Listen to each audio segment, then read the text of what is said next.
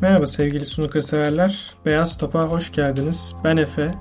Beni sosyal medya üzerinde Red Black Snooker olarak da tanıyorsunuz. Şu an girmiş olduğumuz yeni oluşum içerisindeki bu seride biraz daha snooker'la yeni tanışan, snooker'ı sevmeye yeni başlamış ya da bizim sayemizde başlayacak insanlara hitap etmeye çalışacağız. Şimdi isterseniz ilk bölümde snooker nedir, nasıl oynanır biraz ondan bahsedelim. Çok uzun yıllar önce Britanya'da oynanan İngiliz bilardosu isimli bir spor vardı. Snooker'ın babası olarak nitelendirebileceğimiz bu spor aslında şu an bildiğimiz pool, 3 bant ve snooker branşlarının bir birleşimi gibiydi. İngiliz bilardosu hala varlığını sürdürse de eski popülerliğine sahip değil. Ancak snooker hala kendisine İngiliz bilardosundan miras kalmış masa ve geleneksel kıyafetlerle oynanıyor. Bir snooker masasında 6 tane cep vardır. Masanın üzerinde ise kırmızılar ve renkliler olarak iki gruba ayrılmış 21 tane top bulunur. Oyuncular temel olarak podcast'imizin de ismini aldığı beyaz topu kullanarak bu 21 topu bir kırmızı bir renkli şeklinde ceplere göndererek puan elde etmeye çalışırlar.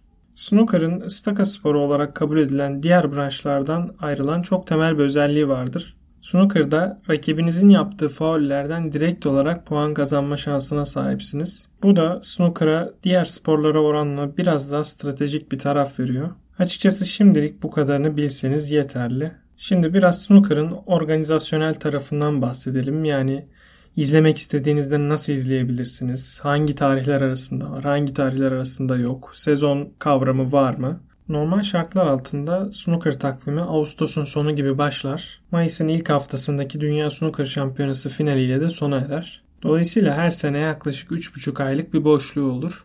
Takvimin büyük bölümündeki turnuvaların yayıncısı Eurosport'tur. Yani dolayısıyla snooker izlemek istiyorsanız en azından Türkiye için konuşuyorum Eurosport'a sahip olmalısınız. Peki en önemli turnuvalar nelerdir? Biraz da bunlara bakalım. Tabii ki isminden de anlaşılabileceği üzere snooker'ın en prestijli turnuvası Dünya Snooker Şampiyonası'dır. Bu turnuvanın 1927'ye kadar uzanan bir tarihi vardır. Dünya Snooker Şampiyonası, Birleşik Krallık Şampiyonası ve Masters'la bir araya gelerek üçlü taş serisini oluşturur. İşte bu üç turnuva turda görebileceğiniz en önemli turnuvalardır ve her oyuncu kariyerinde en azından bunlardan bir tanesini kazanmış olmak ister. Ancak tabii ki bu turnuvaları kazanmak çok az oyuncuya nasip olur. Son olarak biraz neden spor izlediğimizle alakalı konuşmak istiyorum. Şimdi spor dediğimiz kavram şüphesiz ki eğlence sektörünün en büyük parçalarından birini oluşturuyor. Ancak tabii ki bildiğiniz üzere her neslin eğlence anlayışı farklı. Örneğin bu podcast'i dinliyorsanız %90 ihtimalle 34 yaşınızın altındasınız. Ya bu da demek oluyor ki Y veya Z jenerasyonuna aitsiniz. Ben bu bilgiyi nereden biliyorum? Çünkü daha önce yaptığım podcast'in istatistikleri var elimde. Bunun yanında yayın yaptığımız platformların ulaşılabilirlik seviyeleri var. Yani hangi cinsiyete, hangi yaş grubuna, hangi ülkelere hitap ettiğimizi açık bir şekilde görebiliyoruz. Şimdi bizim nesil bilgi ve teknoloji çağında büyüdüğü için daha öncekilerde olmayan özelliklere sahip. Bununla beraber başka tür bir hayat görüşü ve eğlence anlayışı var. Örnek vermek gerekirse kendinizden 20 yaş büyük birine e-spor kavramını anlatmaya çalışın. Çok muhtemelen bunun ne kadar anlamsız olduğunu belirten ya da e-sporun bir spor sayılamayacağını söyleyen cümleler duyacaksınız. Yani bu tabii ki orta yaş ve üzerindeki insanların bizle aynı şeylere ilgi duyamayacağı anlamına gelmiyor. Eğer dinleyiciler arasında kendileri de varsa lütfen alınmasınlar. Ben genel anlamda bir gerçeklikten bahsediyorum. Neyse konuyu çok da dağıtmadan varmak istediğim noktaya geleyim. Bizim kuşağın en yatkın olduğu şeylerden biri rekabetçilik ve oynadığı oyunlarda ya da takip ettiği içeriklerde rekabetçiliğin ön planda olmasını isteyen bir yapısı var. Snooker'da bu bakış açısıyla çok örtüşüyor açıkçası. Çünkü günümüzdeki profesyonel sporcuların standardı birbirine eskiden olduğundan çok daha yakın. Belli bir seviyenin üzerindeki oyuncuların neredeyse tamamı birbirini yenebilme potansiyeline sahip.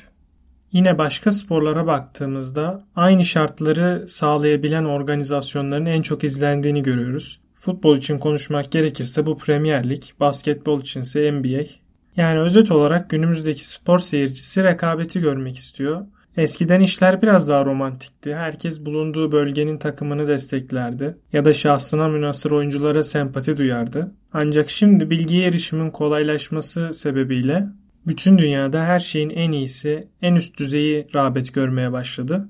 Eskiden bütün sporlarda iyi bir nesil yakalayan takım ya da ufak bir fark yaratan sporcu uzun yıllar dominasyon sağlayabiliyordu. Artık bu da rekabetin artmasıyla pek söz konusu değil. Bu durumu snooker'ın yakın tarihine bakarak da açıklayabiliriz. 70'lerde 6 kez dünya şampiyonu olan Ray Reardon, 80'lerde aynı başarıyı tekrarlayan Steve Davis, 90'larda ise 7 kez dünya şampiyonu olan Stephen Hendry bulundukları dönemleri domine etmişlerdi.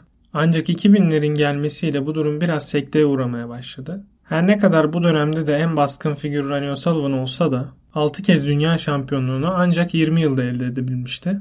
Yine onun dönem arkadaşları John Higgins ve Mark Williams gibi isimler de çok başarılı oldular.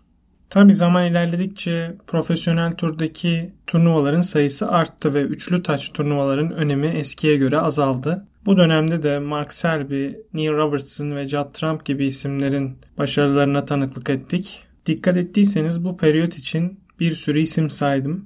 Dolayısıyla eskiye oranla sporu uzun süreler domine etmek, belli turnuvaları yıllar boyu abluk altına almak artık imkansız gibi bir şey oldu. Çünkü spordaki rekabet seviyesi hayli arttı. Böylece snooker'la alakalı duyulması gereken isimleri de duymuş oldunuz. İsterseniz yavaş yavaş programı kapatalım. Umuyorum sizler de keyif almışsınızdır. Bugün snooker'a dair genel bir bakış sunmaya çalıştım. İlerleyen bölümlerde biraz daha derinlemesine işleyeceğimiz konular olacak. Yorumlarımı merak ettiğiniz konular varsa bunları bana Instagram adresimden ulaştırabilirsiniz. Programın başında da söylediğim gibi Red Black Snooker isimli profil bana ait. Oradan göndereceğiniz bütün mesajlara yanıt veriyorum. Yayınla alakalı geri dönüşlerinizi de bekliyor olacağım. Şimdilik izninizi isteyeyim. Bir sonraki bölümde görüşmek üzere. Hoşçakalın. Snooker'la kalın.